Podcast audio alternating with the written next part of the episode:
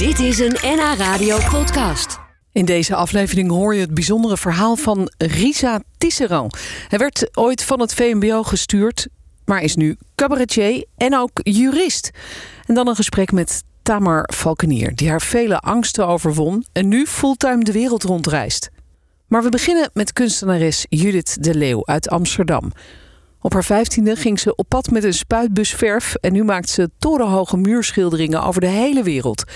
Haar werk is te zien van Rome tot New York en van Kuala Lumpur tot Kosovo. En ze is pas 26 jaar. Haar laatste werk kunnen we allemaal gaan bekijken, want dat is hier in Amsterdam op een muur bij het Leidseplein. En daar maakte ze een enorme ballerina die danst in een wervelwind van administratieve papieren. Eerder maakte ze ook in Amsterdam een prachtige muurschildering van Amy Winehouse. En bij het werken nu aan die ballerina had je dit wel nogal wat bekijks.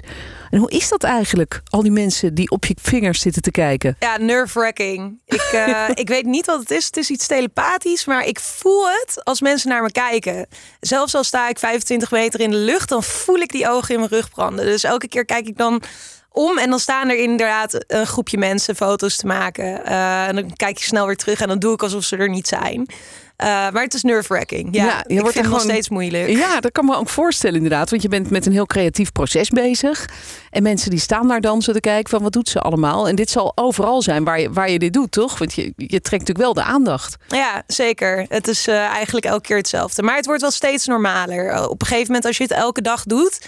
dan raak je er ook wel aan gewend. Dat mensen staan te schreeuwen en foto's staan te maken. Oh, staan ze ook te schreeuwen? Ja, schreeuwen doen ze ook wel eens. Of wat, wat uh, keihard juichen, klappen. Oh, ja, uh, ja het gaat soms heel erg ver. Oh, wat grappig. Dan ben je echt een soort uh, artiest die daar hoog boven op de staat. Ja, ik doe soms ook wel alsof ik een DJ ben. en een speaker. Dus dat, ja, ja. dat werkt. Ja, maar je hebt ook muziek aan als je staat te werken. Ja, dan, keihard. Ik heb ook een hele grote speaker. En die lift die heeft ook een soort van controlepaneel dat een beetje op een DJ-set lijkt. Dus oh, ik zit altijd grappen te maken met mijn assistent Amsterdam. Laat je horen, Leidsplein, hier gaan we. en dan, uh, ja, dan gaan we keihard muziek uh, spelen. Ja, grappig. Ja, en het is natuurlijk een project van, van dagen, maar je bent natuurlijk al veel langer mee bezig geweest, want je hebt eerst een ontwerp gemaakt. Ben je trots eigenlijk op het eindresultaat zoals we het nu kunnen zien bij het Kleine Hartman Plantsoen? Ik denk dat iedereen die creatief is wel begrijpt dat trots zijn een heel erg groot woord is. Dat je nooit echt compleet kan omarmen want je streeft altijd naar uh, nog beter. Maar ik ben zeker, ik voel me wel voldaan met het feit dat die muurschildering daar staat en dat iedereen er heel erg blij mee is. Dat ja. zeker. Ja, en, en, en wat zien we nou eigenlijk? Kun jij mezelf beschrijven? Zoals je net ook zei, je ziet een ballerina die danst door een wervelwind, een soort van tornado van ambtsbrieven. En dat refereert heel erg naar bureaucratie en ongelijke kansen. Uh, denk bijvoorbeeld aan de toeslagenaffaire. En mijn bedoeling is om dingen die onzichtbaar zijn, die niet altijd op daglicht komen, toch zichtbaar te maken met kunst. Zodat ook toeristen iets meer inzicht krijgen over thematiek van de Belmer. Dat nu verstopt is eigenlijk. Ja, ja. ja, dus juist de mensen die gewoon naar het Leidsplein komen voor een biertje, dat zij dan denken: hé, hey, wat, wat speelt hier eigenlijk? En dat ze zich misschien daarin gaan verdiepen. Ja, precies. Dat is jouw idee. En, en hoe ontstaat het idee voor, voor dan zo'n muurschildering? Voor die ballerina en die papieren. Hoe, hoe werkt dat in jouw hoofd? Voor die uh, ballerina was het echt uh, een totaal ander verhaal dan normaal. Uh, er is ongeveer een jaar voorbij gegaan voordat deze muurschildering echt gerealiseerd kon worden. En daar is een gigantisch proces aan vooraf gegaan. De muurschildering zou eigenlijk plaatsvinden op de Vijzelgracht. Op de muur van Amy Winehouse. En ik heb toen toestemming gevraagd van de gemeente, maar toen kreeg ik een reactie terug dat ik de schildering zelf zou moeten weghalen van monumentenbeheer na drie jaar. Oh. Um, en dan zou ik de muur weer gevandaliseerd en al, want het staat nu onder de graffiti voor tien jaar al, zou ik dan terug moeten brengen. Oh. En uh, tegelijkertijd zat ik in een subsidieaanvraag en ik merkte dat er zoveel regelgevingen waren. Ja, precies die bureaucratie eigenlijk waar je het uh, over ja, wilde hebben. In, uh... En op een gegeven moment werd ik er een beetje wanhopig van, dat ik merkte dat, dat je eigenlijk daar niet doorheen kon komen tenzij je een HBO-diploma had. En uh, dat irriteerde me heel erg. Want waarom zou ik als streetartist geen subsidie aan kunnen vragen, omdat ik geen HBO-opleiding heb gehad? Ja. En daar begon het eerste prikkeltje eigenlijk. Uh, en toen kwam de Black Lives Matter movement en uh, het etnisch profileren van de Belastingdienst. En die prikkel werd steeds groter. Uh, en toen zag ik ook dat mijn buurvrouw met hele grote problemen te kampen had. En dat mijn buurt uh, het moeilijk had. En nou ja, daar komt dan een werk uit voort. Ja, en dan, dan is het een heel gedoe natuurlijk om, om dat rond te krijgen met de gemeente. Om dat te mogen doen. Terwijl je aan de andere kant zou denken, het is gewoon fantastisch. Een prachtig kunstwerk daar. Uh, maar je zit ook met een praktisch ding. Want je gaat het, neem ik aan, tekenen in een, in een studio of in een atelier of, of aan de keukentafel. En dan, dan moet je het ook nog gaan vergroten. En je moet natuurlijk rekening houden met het feit dat mensen vanaf straatniveau ernaar kijken. Ja, ja. Dat, hoe gaat dat? Hoe, hoe doe je dat? Nou, daar heb je meerdere technieken voor. Ik gebruik meestal een grid. Uh, en dat eigenlijk verklein je het oppervlak, uh, waardoor je daardoor makkelijker kan zien waarmee je bezig bent. Dus ik schets allemaal lijnen op, uh, waardoor je kan zien van oké, okay, die 5 centimeter op papier is bijvoorbeeld 5 centimeter op een muur. Ja, 5 meter, meter, op een ja. muur. Mm -hmm. dus ja, daar zijn technieken voor. Het lijkt heel ingewikkeld, maar het is eigenlijk best wel makkelijk. Ja, oké. Okay. Nou, het, het, lijkt mij heel lastig om het inderdaad in te schatten hoe het dan is als het groot is. en, en je zit natuurlijk ook nog met al die verschillende soorten muren waar jij op werkt. Uh, ik heb heel veel verschillende dingen van jou gezien. Op je website staan allemaal mooie voorbeelden van wat je gemaakt hebt. Laat jij je ook nog leiden door de muur zelf en, en hoe die eruit ziet en, en wat de vorm is en of er rare uitsteeksels en dingen in zitten? Ja, zeker. En deze keer al helemaal, want er zaten heel veel ramen in en je had eigenlijk heel weinig oppervlak waarop je kon schilderen. En mijn projectmanager zei vanaf het eerste moment al: ik, ik weet niet of je op deze muur wel kan schilderen, want er is heel weinig oppervlak dat vrijkomt zonder die ramen. Uh, en toen zei ik tegen hem: van nee, dat lukt, dat lukt me wel. Het is een uitdaging. Hmm. Uh, dus daar, ja, daar moet je dan omheen werken en dat is zeker lastig. Uh, maar ja, het is wel uh, altijd uh, even puzzelen. Maar als je er dan uitkomt, dan ben je er wel uitgekomen. Ja, ja en dan ga je daar staan met uh, heel veel publiek. Wat staat te, te kijken, te klappen, te filmen. Dat lijkt me een heel aparte ervaring. En, ook, en, ik, ja. ja. en ik vroeg me af, je bent opgegroeid in Amsterdam-Osdorp. Dus je bent een echte Amsterdamse. Was jij dan als kind ook altijd al aan het tekenen? Zat dat al een beetje bij jou erin om dat te gaan doen? Ja, zeker. Ik was al in de eerste klas van de basisschool... was ik al de hele dag lang aan het tekenen. Ik was ook wel heel erg goed erin in verhouding tot uh, mijn klasgenootjes. En ik wou eigenlijk nergens anders mee bezig zijn. Ik weet nog dat ik dat echt geweldig vond. En dat ik er echt helemaal in kon verdwijnen. En uh, dat ik urenlang met niemand sprak. Ja. Dus uh, dat is echt iets wat voor niemand een verrassing was. Ik heb ook nog brieven teruggevonden van de basisschool. Dat we gedichtjes voor elkaar moesten schrijven. En dan zei iedereen... Judith, die wordt een kunstenares al oh, van kinds af aan. Wat mooi. Maar ja, ik begreep dat je ouders wilden dat je piano leerde spelen. Dat... Ja, mijn ouders die wilden heel graag dat ik pianist werd. Uh, mijn ouders die zijn ook... Uh, mijn vader die is heel erg muzikaal. En dat was ook een beetje ja. een droom van hem. Uh, en ik wou dat zelf ook heel graag. Ik zei ook vroeger of ik word een kunstenaar... of ik word een professioneel pianist... En mijn vader die heeft me daar heel erg in gemotiveerd. Dus die heeft een piano voor me gekocht en me op professionele lessen gezet vanaf heel erg jong. Uh, dus ik maakte zeker een kans. Maar die druk haalde een beetje het plezier ervan af. Want op een gegeven moment moest ik twee uur per dag oefenen. En dan is het niet zo leuk meer. Nee, als, dat hoor je natuurlijk vaker van mensen. Als het dan moet, dan, dan wordt het uh, een soort verplichting. En dan, dan is dat ja, de, de passie daarvoor een beetje weg. Ja, ja precies. En, en Zeker als met... kind. Je ja. wilt gewoon spelen als kind, letterlijk. Ja. Dus ja. Uh, ja. wat moet, dat is niet leuk. Nee. Goed, je bent uh, op een gegeven moment van school gestuurd, begrijp ik. En toen ben je met, op straat eigenlijk met graffiti begonnen. Wat, wat maakte jij toen dan in, in die tijd? Moet ik dan denken aan van die tags, van die, of, of woorden of, of je naam? Of, of, maak je toen eigenlijk ook al met een spuitbus dan een soort muurschilderingen? Ja, voornamelijk uh, letters. Dus inderdaad uh, uh, gewoon de, de normale graffiti wat je gewend bent. sommige mensen noemen het ook al krabbels, tags. Maar ik was ook vrij snel uh, bezig met de characters. Dus nee. ik, ik heb ook wel wat characters gezet, maar niet uh, superveel. Nee. nee. Dus uh, dat was totaal anders dan wat ik nu doe. Ja, maar jouw werk is inmiddels over de hele wereld te zien, begrijp ik. Van Rome tot New York, van Kuala Lumpur tot Kosovo. En dat terwijl je pas 26 bent, dat lijkt mij best wel bijzonder. Had je dat ooit gedacht toen je als puber van school gestuurd met de spuitbus in Osdorp een beetje tekst stond te zetten? Nee, totaal niet. Het is voor mij nog steeds onwerkelijk dat ik vorige week met Touria Meliani, de wethouder van cultuur, naast mijn muur stond. Want ja, het was voor mij, voor mijn gevoel was nog gisteren dat ik illegaal uh, met een spuitbusje in mijn hand stond. En dat, dat is gewoon onwerkelijk. Dat is echt heel vreemd. Ja, is het eigenlijk ook iets waar je van zou kunnen leven? Of, of leef jij daar al van, van het maken van deze ja, schilderingen? Ja, ik, ik, leef er al jaren van. Ja. Gelukkig uh, is dat uh, niet de moeilijkste opgave ter wereld. Street art wordt nu heel erg gewaardeerd. Dat is waar, ja. Dus ja. het hoeft ook lang niet illegaal meer. Uh, vroeger was dat totaal anders. Dus ik heb geluk dat ik nu hierin rondloop ja. en dat ik ervoor betaald word. Ja, ja jij krijgt opdrachten. Je, je, hoe gaat dat eigenlijk? Dan word je gebeld door een wethouder in New York die zegt: Hi, can you do a mural? nee, het gaat eigenlijk elke keer anders. meestal verloopt het via internationale street art organisaties. Um, en die hebben dan in elk land hun eigen organisatie waarin ze constant bezig zijn met het organiseren van murals. Uh, en ja, die sturen dan een berichtje van: uh, hey, ik heb je werk gezien. Uh, het lijkt me leuk als je langskomt.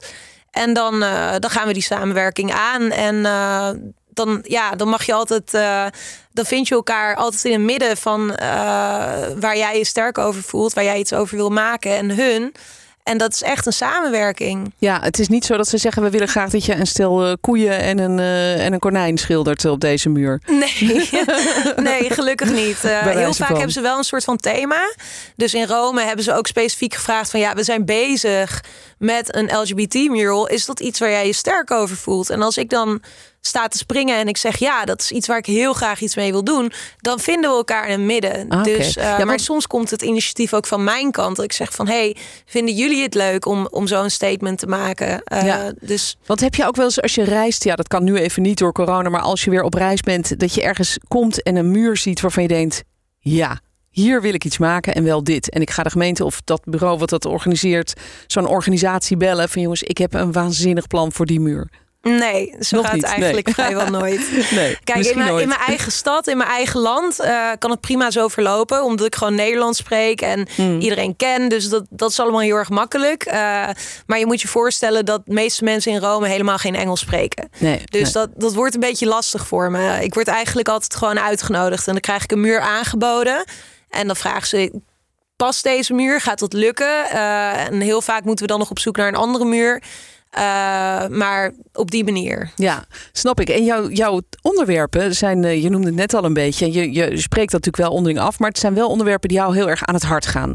Ja. Je, je, je hebt die schildering in Amsterdam gemaakt. Dat gaat over bureaucratie, maar ook over gelijke kansen en over achterstanden.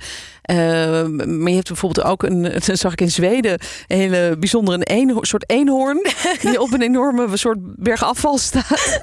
Waar gaat dat over? Ja, er zit een, een oma op een eenhoorn op Ja. een gigantische berg met afval.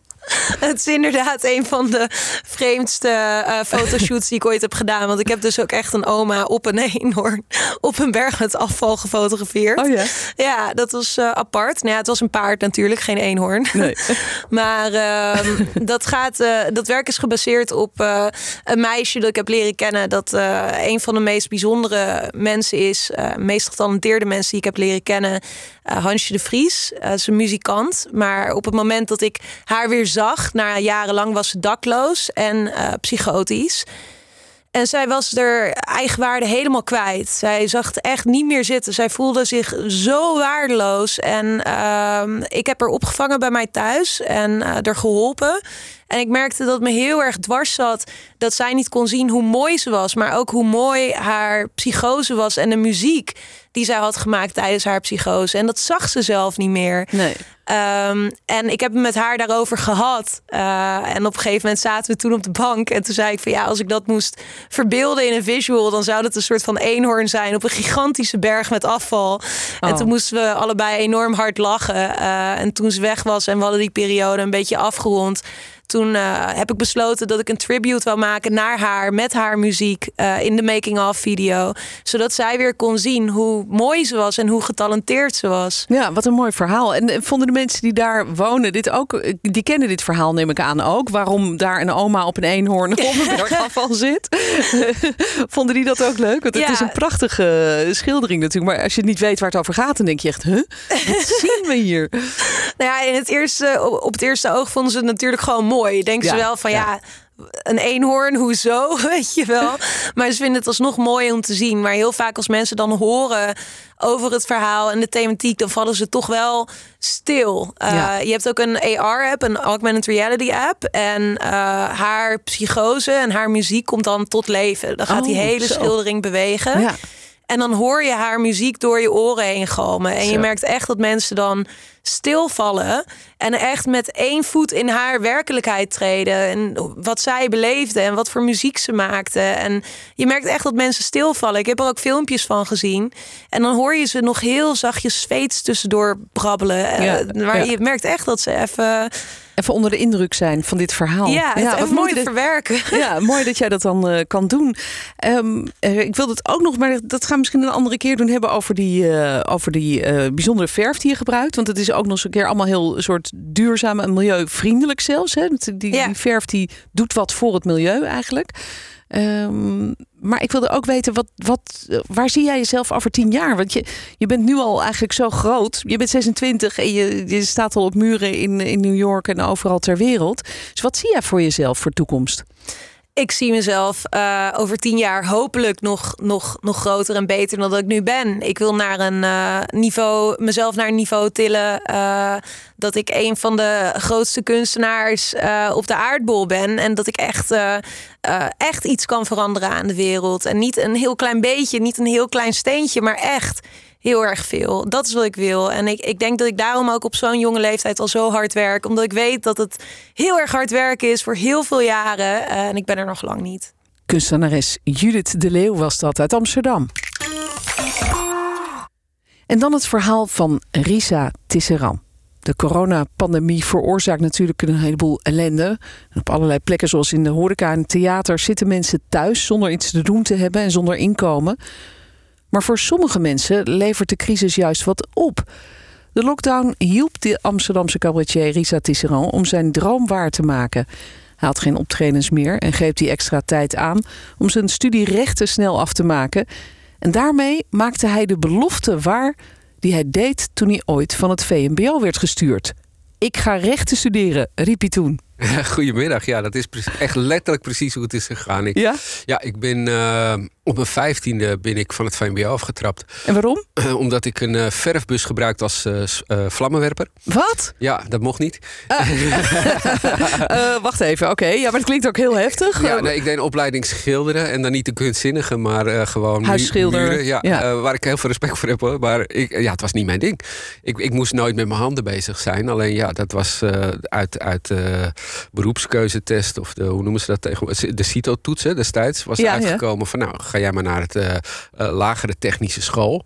Nou ja, dat ben ik gaan doen en dat werd, uh, werd een ramp. Werd echt een ramp. Ja. En, en je was misschien daardoor ook een beetje opstandig, omdat het helemaal niet was wat je wilde. Ja, ja kijk, ik heb, ik heb destijds, dat, dat vergeet ik nooit. Mijn grootste fout is geweest, denk ik.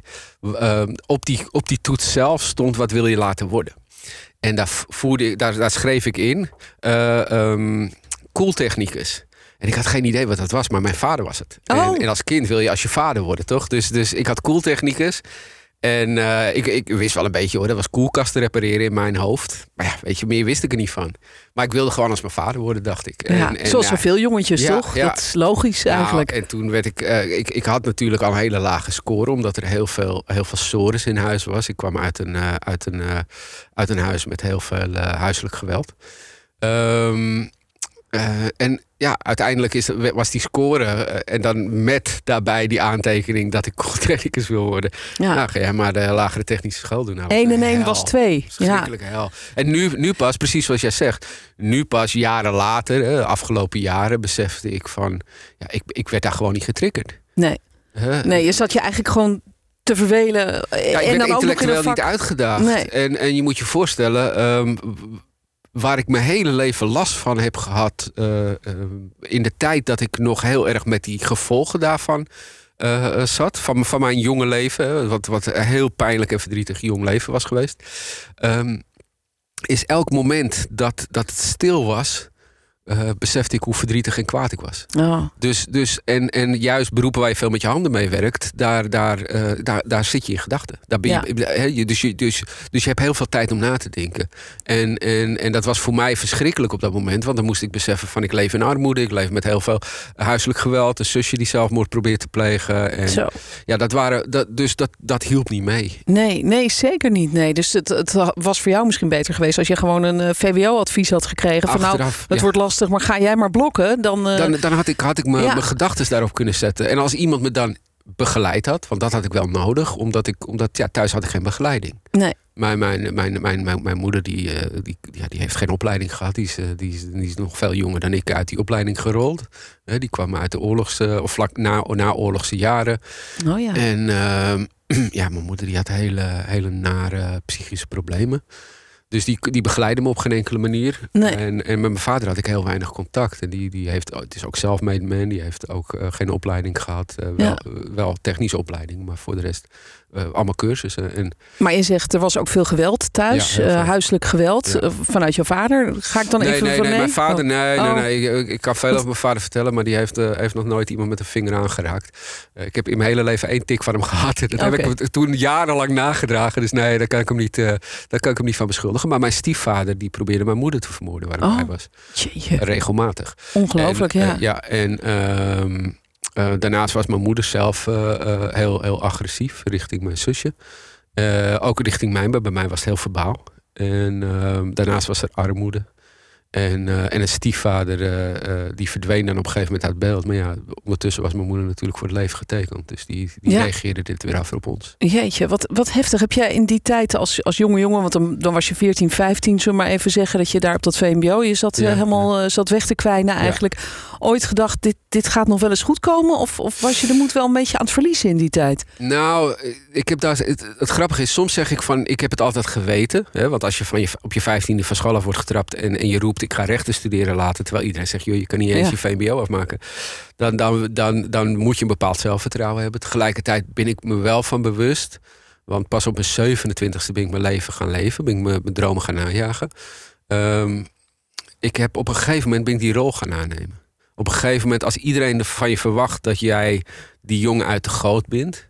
En je bent omringd met mensen uit de goot. Want ik bedoel, ik, ik, ik groeide op in een wijk waar enorm veel agressie was. Echt enorm veel. Ik bedoel, ik heb meerdere vrienden van me zijn doodgeschoten. Wat? Ja. Waar, waar was dat? Dat was Horen Kersenbogert. Oh, In de tijd dat dat daar helemaal ontspoorde. ja, ja. Dit, ik heb het dus, eh, kijk, nu, nu, nu is het nog steeds niet de- de, de meest eh, eh, respectabele wijk. Maar het is nu een beetje Ja, maar- gender, genderficeren noemen ze dat. Hè? Ja, Dan- ja. Er maar- komen een beetje meer mix in van verschillende... Ja, ja. maar in die tijd eh, was het totaal ontspoord. eh, maar echt totaal ontspoord. Uh, alles om je heen was pooier, overvaller, eh, hoer of, eh, of, of ja, moordenaar. Ja. Het was, was echt een hele, hele zware wijk om in te wonen. Ja, om daar dan op te groeien. En dan Ja. ook nog in een gezin met veel geweld. Ja. Eh, dat- En armoede. ja. Ja. Dus, dus dacht jij toen ooit wel van ik, ik kom hier wel uit? Nou, dat, achteraf gezien probeer ik mezelf wijs te maken dat ik het altijd heb geweten. En een deel heeft dat ook geweten in me.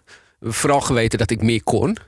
Maar ja, wat ik al zeg, je, je gaat op een gegeven moment ga je, ga je, ga je voldoen aan dat loser image wat je, wat je, wat je krijgt opgelegd. Hè? Dus, dus Ga je daar naar leven? Ja, ja je, je, je, je, raffelt je baantjes af. Eh, je kan heel slecht omgaan met autoriteit. Je maakt snel ruzie met mensen. Of in ieder geval reageert heel erg gepikeerd als het, als het iets niet aanstaat. En eh, ja, uiteindelijk... Kijk, wat ik mooi vond aan die tijd... Heel weinig dingen mooi in die tijd. Maar wat ik mooi vond aan die tijd... is dat die mensen om me heen... die het zo, zelf zo zwaar hadden... En, en die zelf dan bijvoorbeeld in de criminaliteit zaten... gewoon jongeren, kinderen van, van 14, 15, 16 jaar... En die allemaal zeiden, je hoort hier niet. Dat ze dat toen Oh, al... ja. Eh, Zij zeiden altijd van, ja, jij, jij gaat dingen bereiken die wij niet... Oh ja, wat bijzonder. En, en, en, en het bijzondere is ook, want kijk, nu ben je dus jurist, daar zullen we het zo nog uitgebreid over hebben. Eh, dat heeft natuurlijk een heel traject gehad tussen van het VMBO gestuurd worden en jurist worden. Ja. Eh, want je bent muzikant geworden en je bent comedian geworden. Ja. En dat vind ik dan ook zo bijzonder met die achtergrond. Uit die pure ellende waar je vandaan bent Ja. gekomen, dat je dan komiek wordt? Ja, Of, of was dat iets wat je als kind al een beetje in je had, waardoor je wel- wist te Ja. redden in al die eh, zwarte tijden? het was mijn masker. Ja, En dat, dat, dat besefte ik ook pas later natuurlijk. Ja, alle- alles, alles begint later pas op zijn plek te vallen. Hè. Maar eh, in die tijd eh, was ik, was ik de, de nar. Als, als, hoe zwaar situaties ook werden, ik riep wat geks en iedereen begon te lachen. ja. Maar dan was het weer even licht. Ja, dan was het weer even licht. Alleen wat ik nu pas besef, kijk, er zit nu een heel ander mens tegenover je dan dat ik toen was. Toen was ik heel erg druk en heel erg uitbundig. Ik praatte ook zo en ik moest altijd iets grappigs maken. En, Ja. en, maar het was, omdat zo gauw als ik stopte met praten, begon ik te huilen. Dat was hoe zwaar het was. En, en ik merk zelfs nog steeds dat er zit een onderlaag in mij die nooit meer weggaat. eh, Van verdriet. Ja. Hoe graag ik dat ook wil. Ja. Maar het gaat wel goed met je. En dat gaat is heel natuurlijk goed. heel ja, fijn. ja, nee, nee, we daar eh, geen verkeerd dat- beeld van nee. Nee, Want je hebt ontzettend veel bereikt. En Ja. je staat op een andere manier nu in het leven. absoluut. Ja. Eh, we praten er zo over verder. Dan Ja. eh, gaan we horen hoe jij uiteindelijk dus komiek werd.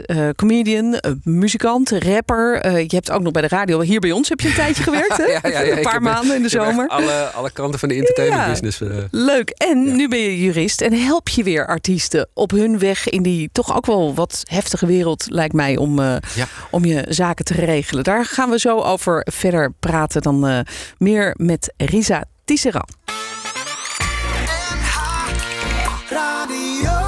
Hij werd toen hij 15 was van het VMBO gestuurd en riep toen: Wacht maar af, ik ga rechten studeren.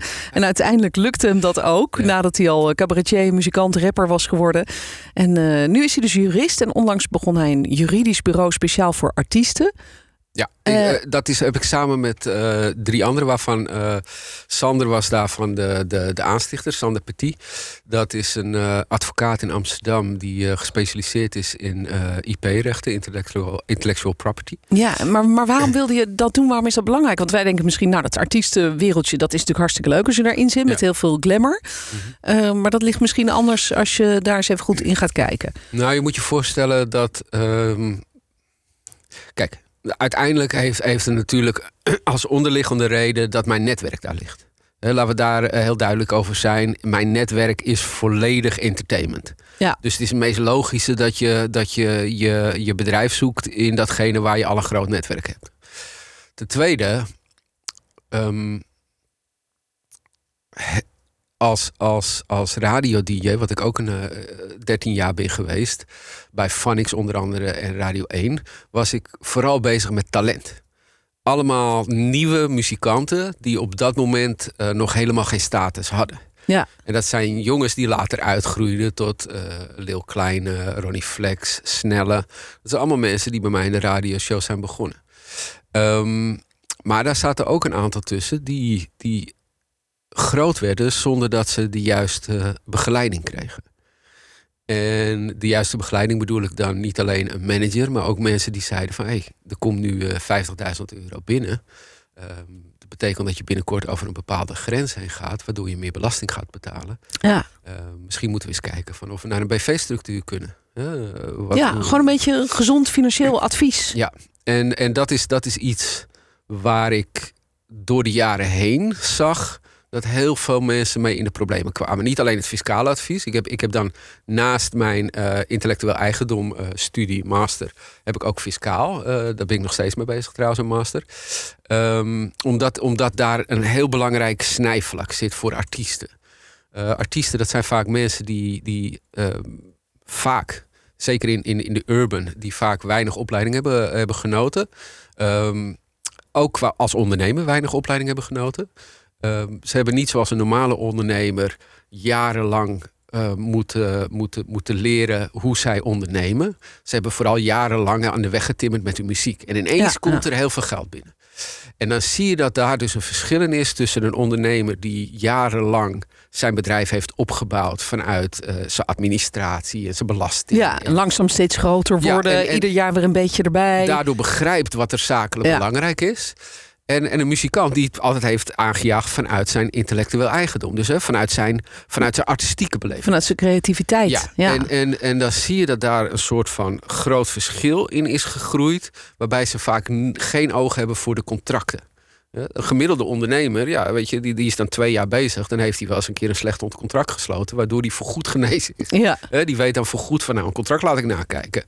Maar een, een, een gemiddelde uh, um, uh, muzikant, die krijgt pas na vijf, zes jaar zijn eerste belangrijke contract. Ja, en die zegt gelijk, ja Jotem, ik ga ja, geld want verdienen. Ze zijn heel vaak bang. ze zijn heel vaak bang om te onderhandelen. Ja. Je moet je voorstellen, ineens, ineens is er een manager geïnteresseerd in je. En jij hebt het idee van, oh, als, ik, als, ik, als ik nu moeilijk doe, dan wil die me niet meer. Heb ik weer geen management, zit, sta ik nog steeds onderaan die ladder. Ja. Dus laat ik maar niet moeilijk doen. En ineens neemt die manager 25% van je geld. En dan ook nog eens een keer van je, van je, van je bruto opbrengst. Dus, dus... Ja, voor je het weet uh, zit je eraan vast en ben je heel veel geld kwijt. Nou ja, Jij geeft ook trainingen aan, uh, aan beginnende artiesten. Om, de, om dit Ja. soort problemen een beetje te voorkomen eigenlijk. ja, ik heb toevallig vorige week nog een mooie gedaan. Ja, Ja. en wat is dan het belangrijkste wat je ze meegeeft? Moeten ze zelf meer assertief zijn? Of moeten ze zelf eh, eh, de, de kleine lettertjes beter bestuderen? Of Nee, wat ja, is kijk, het vooral? Ik, ik, ik, ik denk dat je, je kan ze wel een beetje uitleggen over eh clausules in contracten.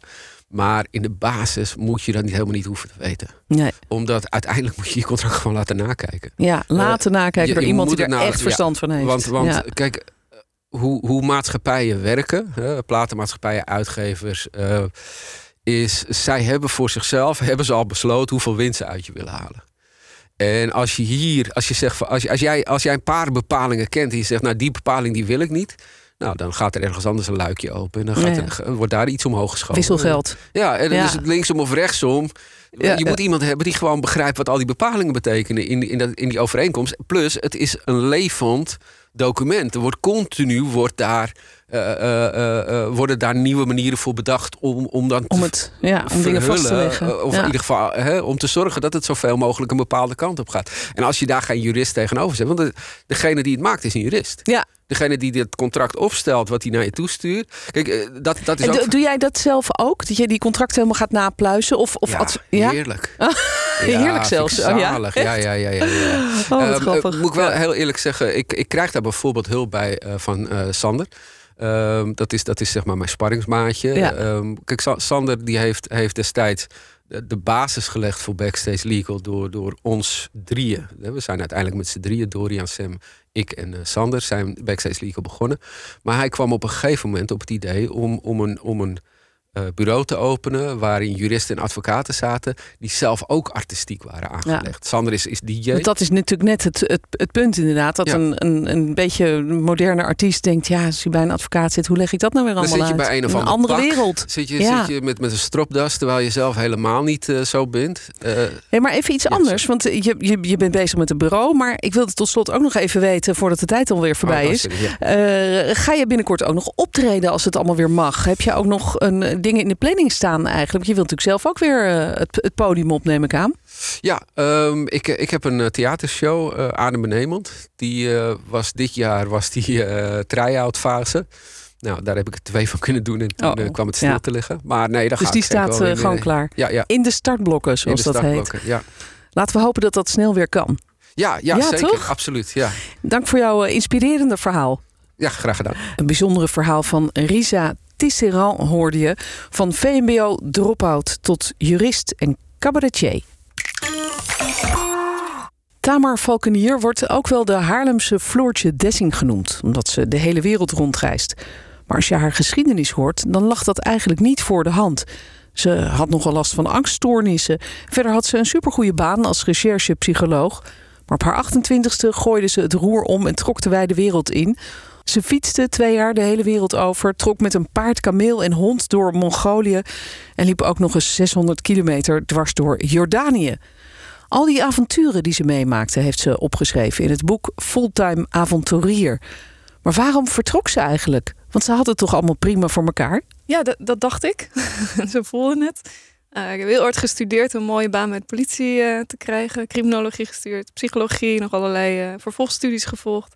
En toen die droombaan, dat, dat was de baan waarvan ik dacht... als ik later groot ben en veel ervaring heb opgedaan... dan wil ik daar terechtkomen. Ja, recherchepsycholoog. Recherchepsycholoog. Dus ik hield me bezig met eh, moord en zedenzaken, bedreigingen. Profiling. Profiling, dat soort dingen. Ja, heel erg interessant. Ja, klinkt als iets wat heel veel mensen tegenwoordig willen. Er zijn natuurlijk heel veel Netflix-series over Ja. dit soort eh, beroepen. Ja, ze staan eh, in de rij om mijn baan over te nemen. Dus het was ook echt heel moeilijk om dat op te geven. Maar ik, ik brak inderdaad mijn voet. En toen word ik gewoon door het leven verplicht om even stil te staan. Letterlijk en figuurlijk. Ik had heel hard gestudeerd. eh, ik was hard aan het werk. Ik had een mooi huis. Een eh, gave motor. Ik ging veel op vakanties. Je, echt maatschappelijk succes. Wat dat ook waard is. En een vriend. En een vriend. eh, nou, het hele plaatje was rond gewoon. Ja, Ik was 24 en ik was klaar. ja. En misschien is dat het wel geweest wat me, waar ik het benauwd van kreeg. Waarvan ik dacht, ja, maar is dit het nou? Ik weet precies hoeveel ik nog ga werken, wanneer ik met pensioen mag, eh, hoeveel ik ga verdienen, wanneer ik met vakantie mag. En ik vind het heel leuk, maar is er niet meer? Het begon te kriebelen. Is that all there is? Ja, Ja, en jouw vader die beschreef het heel mooi, lees ik in jouw boek, van ja, ik, ik ben ouder, ik, ik ben, hij was in de zestig, ik ben bijna bij mijn eindstation, maar jij bent nog jong en je, hebt nog, jij kunt nog heel veel, op heel veel tussenstations uitstappen en misschien nog een andere route nemen. ja, ja hij beschrijft het leven beeld. altijd als een eh, treinreis. Als je maar in beweging bent, is het goed. Je moet Ja. vooral niet stilstaan. En als je in beweging bent, dan kun je van perron wisselen, van spoor wisselen. En dat ben ik gaan doen. Ik ben dus eh, helemaal ontspoord. Nogal radicaal, ja. Want eh, wat bedacht je toen, toen je daar op de bank zat? Toen dacht je, nou, ik, ik, ik ga echt letterlijk gewoon het roer om en ik ga fietsen. Eh, was jij zo'n sportief type daarvoor altijd? Dat je zegt zo'n bikkel die altijd het hele weekend op de mountainbike door de natuur race? Absoluut niet. Helemaal niet. Ik had ook niks met fietsen. Oh, En ik weet nog een week voordat ik vertrok, deed ik een ritje naar Amsterdam om even de fiets uit te testen. Die vanuit ik, Haarlem. Vanuit Haarlem naar Amsterdam, 21 kilometer. En ik kwam gesloopt aan. dat was zonder bepakking. Dat was eh, gewoon op vlak terrein. En ik dacht, mijn god, waar ga ik eigenlijk aan beginnen? Wat doe ik nou? Ja, heb je toen niet even gezegd, gedacht van nou, het hoeft niet. Ik kan natuurlijk ook gewoon doorgaan met mijn eh, perfecte leven. Ja, dat dacht ik zeker. Maar ik had eh, een soort van aan zelfsabotage gedaan. En ik had mijn baan al opgezegd. Mijn huis was verdwenen. eh, al mijn spullen waren weggegeven. Dus ik, toen kon ik niet meer terug. Eh, dus ik heb mezelf ook eh, een soort van toe moeten dwingen. Eh, dat heb ik gedaan. Wat vond jouw omgeving daarvan? Dat degene die zij zien als iemand die gewoon het helemaal voor elkaar heeft, dat Ja. die alles opgeeft en zegt: Ik ga gewoon de wereld omfietsen zonder plan. Ja, knotsgek natuurlijk. Wat is er mis met je, Tamer? Waar, ren je voor weg? Dat is de grote vraag. Ja, En ik dacht, nou, ik ren eigenlijk nergens voor weg. Want ik heb het inderdaad prima naar mijn zin hier. Maar ik wil eens wat eh, de wereld van een andere kant bekijken. Dus het was meer een experiment. Ik dacht ook, ik ga een jaar weg. Eh, dan ga ik eens bekijken, wat heeft de wereld allemaal nog meer te bieden? Hoe leven andere mensen? Hoe leven andere volkeren? Hoe is het om eens alleen te zijn? Hoe is het om eh, nou, alles los te laten, dakloos en werkloos de wereld in te stappen? Om alles, echt alles los te laten. En wat mis ik dan? En wat wil ik dan terug in mijn leven? Mis ik het om carrière te maken? Mis ik het om iemand te zijn? Mis ik eh, mijn familie, mijn vrienden? Mis ik het om een dak boven mijn hoofd te hebben? Dat wilde ik allemaal echt van de bodem af eh, ervaren, voelen, eh, meemaken. Zodat ik het opnieuw in kon richten, het leven. ja, En ik dacht, ik kom gewoon terug. En dan weet ik dat ik het prima voor elkaar had. En dan gaan we gewoon weer rustig verder. ja. Een is- ervaring rijker. Ja. Maar het werden zes jaar. Ja, ik ben, eh, nou ja, en waarschijnlijk En- langer. Ik ben nog niet klaar. Nee, nee, je bent nog niet klaar om weer te settelen eigenlijk. Nee. Nee, wat ik ook bijzonder vind is eh, als ik zo'n boek lees en ik zie de foto's van jou in de steppen met, een, met, met, met allemaal mensen en een, een, een jacht. Met een vogel, met een eh, valk, geloof ik, of een adelaar. Wat is het? Iets eh, bijzonders. ja. Een adelaar. Boven op een bergtop. eh, in je eentje kam, wild kamperend. Op een of andere eh, prachtige plek wereldwijd. Daar ga je dan in je up. Dan denk ik, ja, eh, dat is weer zo'n type wat heel avontuurlijk is, is aangelegd. Dat hè, altijd al eh, stoer en dapper overal op af durft te stappen. Eh, Maar eigenlijk, als ik jouw boek lees, ben jij helemaal niet zo van nature. Nee, ja, Was je althans niet zo? Nee, en, en nog steeds niet hoor. Stoer ben ik zeker niet.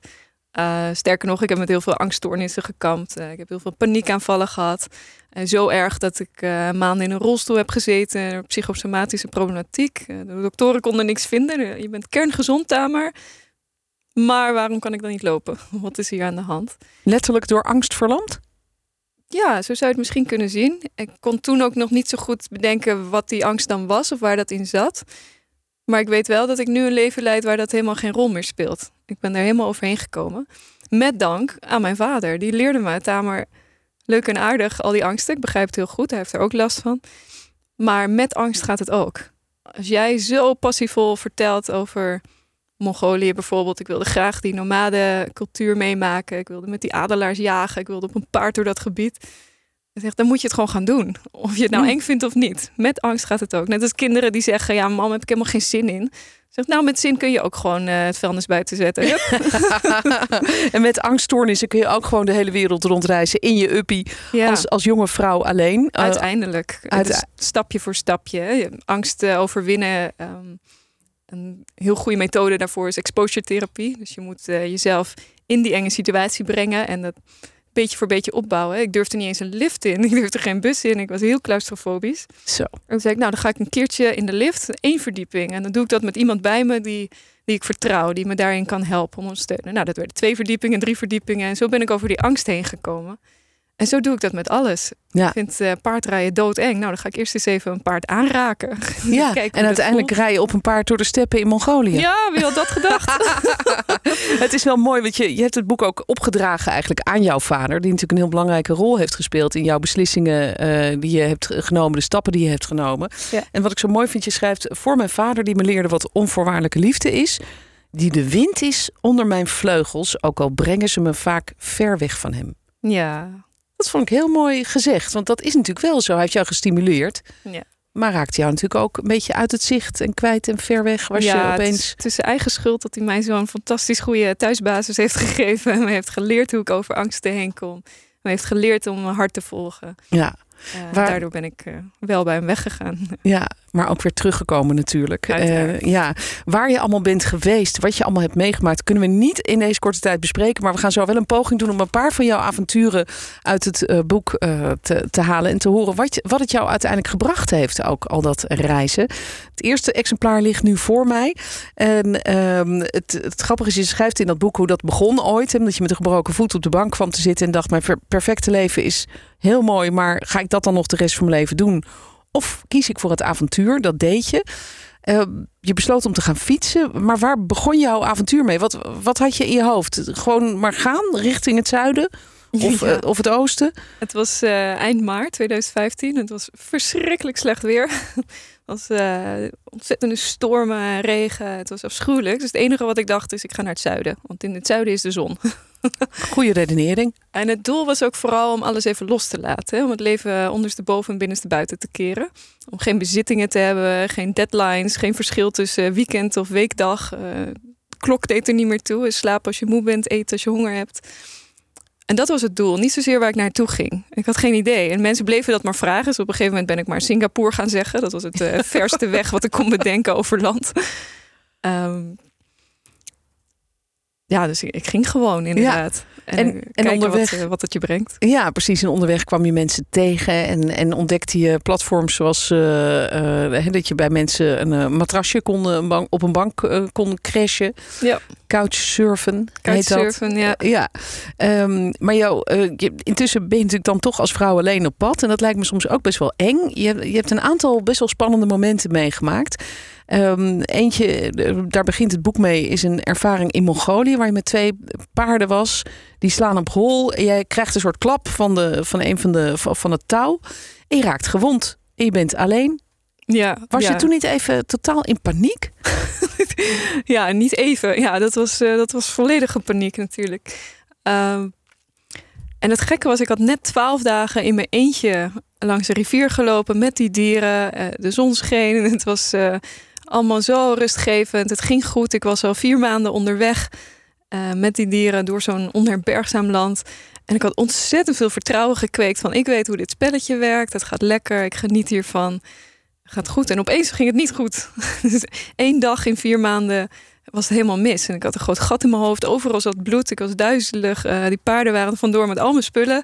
Oh. Dus ook mijn tent en, mijn, en een warme jas. Ik had niet eens schoenen aan mijn voeten. En ik denk, jeetje, ja, nu realiseer ik me opeens wel hoe kwetsbaar ik wel ben. Ik was het even vergeten.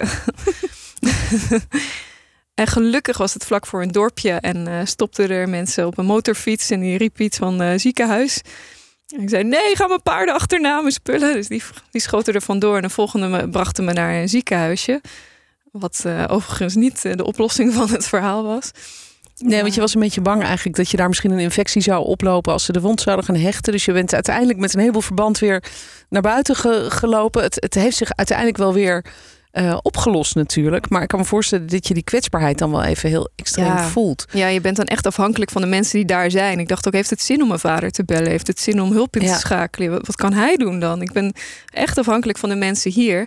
En dan was er een hele vriendelijke nomade die me opving... en die me hielp die een wond schoon te maken... en mijn paarden terug te vinden... Maar vervolgens eh, heeft hij die paarden weer gestolen. heeft hij mijn spullen gestolen. Nog dieper in de ellende. En toen dacht ik wel, jeetje, waarom doe ik me dit mezelf nou aan? Waar Ja. ben ik nou mee bezig? Ja, en, en kreeg je antwoord op die vraag aan jezelf? Ja, want een dag later eh, liep ik door het dorp en kwam een adelaarjager naar me toe. En die zei Aisulu, dat was mijn naam daar in Mongolië. En die man die had vier maanden eerder van zijn vader gehoord dat ik van plan was om naar het dorp te gaan voor een adelaarsfestivalletje. En die was 150 kilometer komen rijden op zijn paard om te kijken of ik daar misschien zou zijn. En om mij en mijn paarden dan terug te nemen naar het dorp. Wauw. En nou, dat was een engel uit de hemel natuurlijk. En, die, en die man die heeft me opgevangen. Die heeft me geholpen om die paarden weer terug te vinden. Ik heb bij hem en zijn vrouw en zijn kinderen in huis gelogeerd. Hij heeft me leren adelaar jagen. Dus eindelijk een echte valkenier worden. En ik ben nog steeds heel goed bevriend met die familie. En ik ga daar meerdere maanden per jaar naartoe. Ik ben daar zelfs vaker dan bij mijn eigen vader. Zo. En dat je zo'n band op kunt bouwen met zo'n familie in zo'n ander land waar ik niks van begrijp en niks van ken. Dat is ontzettend bijzonder en echt een cadeau. Ja, en dat is eigenlijk ook wat je misschien een beetje hoopte te vinden deze, eh, met deze reizen. Ja, het was vooral interesse wat me eh, motiveert. Interesse in de wereld, interesse in andere mensen. Eh, hoe is het om als vrouw alleen te zijn? Hoe is het om met dieren te reizen? Hoe leven Mhm. die nomaden? Hoe kan, ik, hoe kan ik niet de nomaden bezoeken, maar een nomade zijn? Ja. En daar tussen lopen. Dat, dat Ja. zocht ik en dat En- heb ik gevonden. En wat heeft jou dat gebracht? Ja, een aantal spannende momenten, maar natuurlijk ook hele Ja. mooie momenten, eh, nieuwe vriendschappen. Maar wat heeft het voor jou persoonlijk gedaan? Hoe, hoe ben jij daar uitgekomen? Ja, het is ehm, vooral een zoektocht naar het leven geweest. Hoe leid je nou een goed leven? Welke dingen zijn belangrijk? Welke waarden wil ik me aan hechten en voorgaan? Ehm, dus bij elke persoon kijk ik even, waarom vind ik die persoon fijn en waarom niet? Wat vind ik daarvan? En hetzelfde hoe zij leven, hoe de nomaden leven, hoe de Indianen leven. Vooral die oude culturen vind ik interessant. Op intuïtie? Ja, intuïtie Vertrouwen. ontwikkelen, Ja. leren vertrouwen op je gevoel. En het heeft me gewoon een heleboel levenslust gegeven. Elke dag sta ik op van, yes, ik mag weer. Ik ben zo blij dat ik leef en dat ik, eh, dat ik dit allemaal mag meemaken. Wat prachtig. Maar, maar nog niet eh, klaar om weer te gaan settelen. Eh, je gaat niet terug naar je oude leven, begrijp ik. Want je bent, nog niet, je bent gewoon nog niet uitgereisd. Nee, dat, dat Nee. gaat ook niet meer lukken. Ik, ben daar niet meer voor geschikt. Misschien wel ooit. Eh, ik kan me voorstellen, het is ook fijn om een eigen plekje te hebben en om misschien een gezin op te bouwen of een, eh, in een bandje te spelen. Vrijheid komt altijd met een prijs. Dus de vrijheid die ik nu voel, dat heeft wel consequenties. Maar voorlopig vind ik het die wel waard. Dus ik ga nog even door. Ja, mooi. En ik begrijp dat eh, jouw boek is dus vandaag uit. En dat ga je nou rondbrengen met een kameel. Ja, Is dat echt zo? ja. ik heb even gegoogeld en op Marktplaats stonden er een paar kamelen te koop. Serieus? gewoon. ik, heb, eh, ik heb ze gebeld en ik heb een kameel gekocht. ik heb van oude postzakken ehm kamelentassen genaaid. En daar ga ik die boek in doen en ik ga een rondje door het land lopen. Dus eh, mocht je me willen hosten in de tuin bij je thuis, in de achtertuin... eh, dan wil je een gesigneerd exemplaar met een eh kamelenpootafdruk erin of zo. Fantastisch. Ja, Volg nou, mijn Facebook en stuur even een bericht. oké. ja, nou, dat, wordt, dat wordt heel leuk om op die manier ook Nederland te bekijken. Zeker, ja. Nou, Ja. Ik, ik wens je heel veel succes en plezier. Tamar, dank dat je hier was.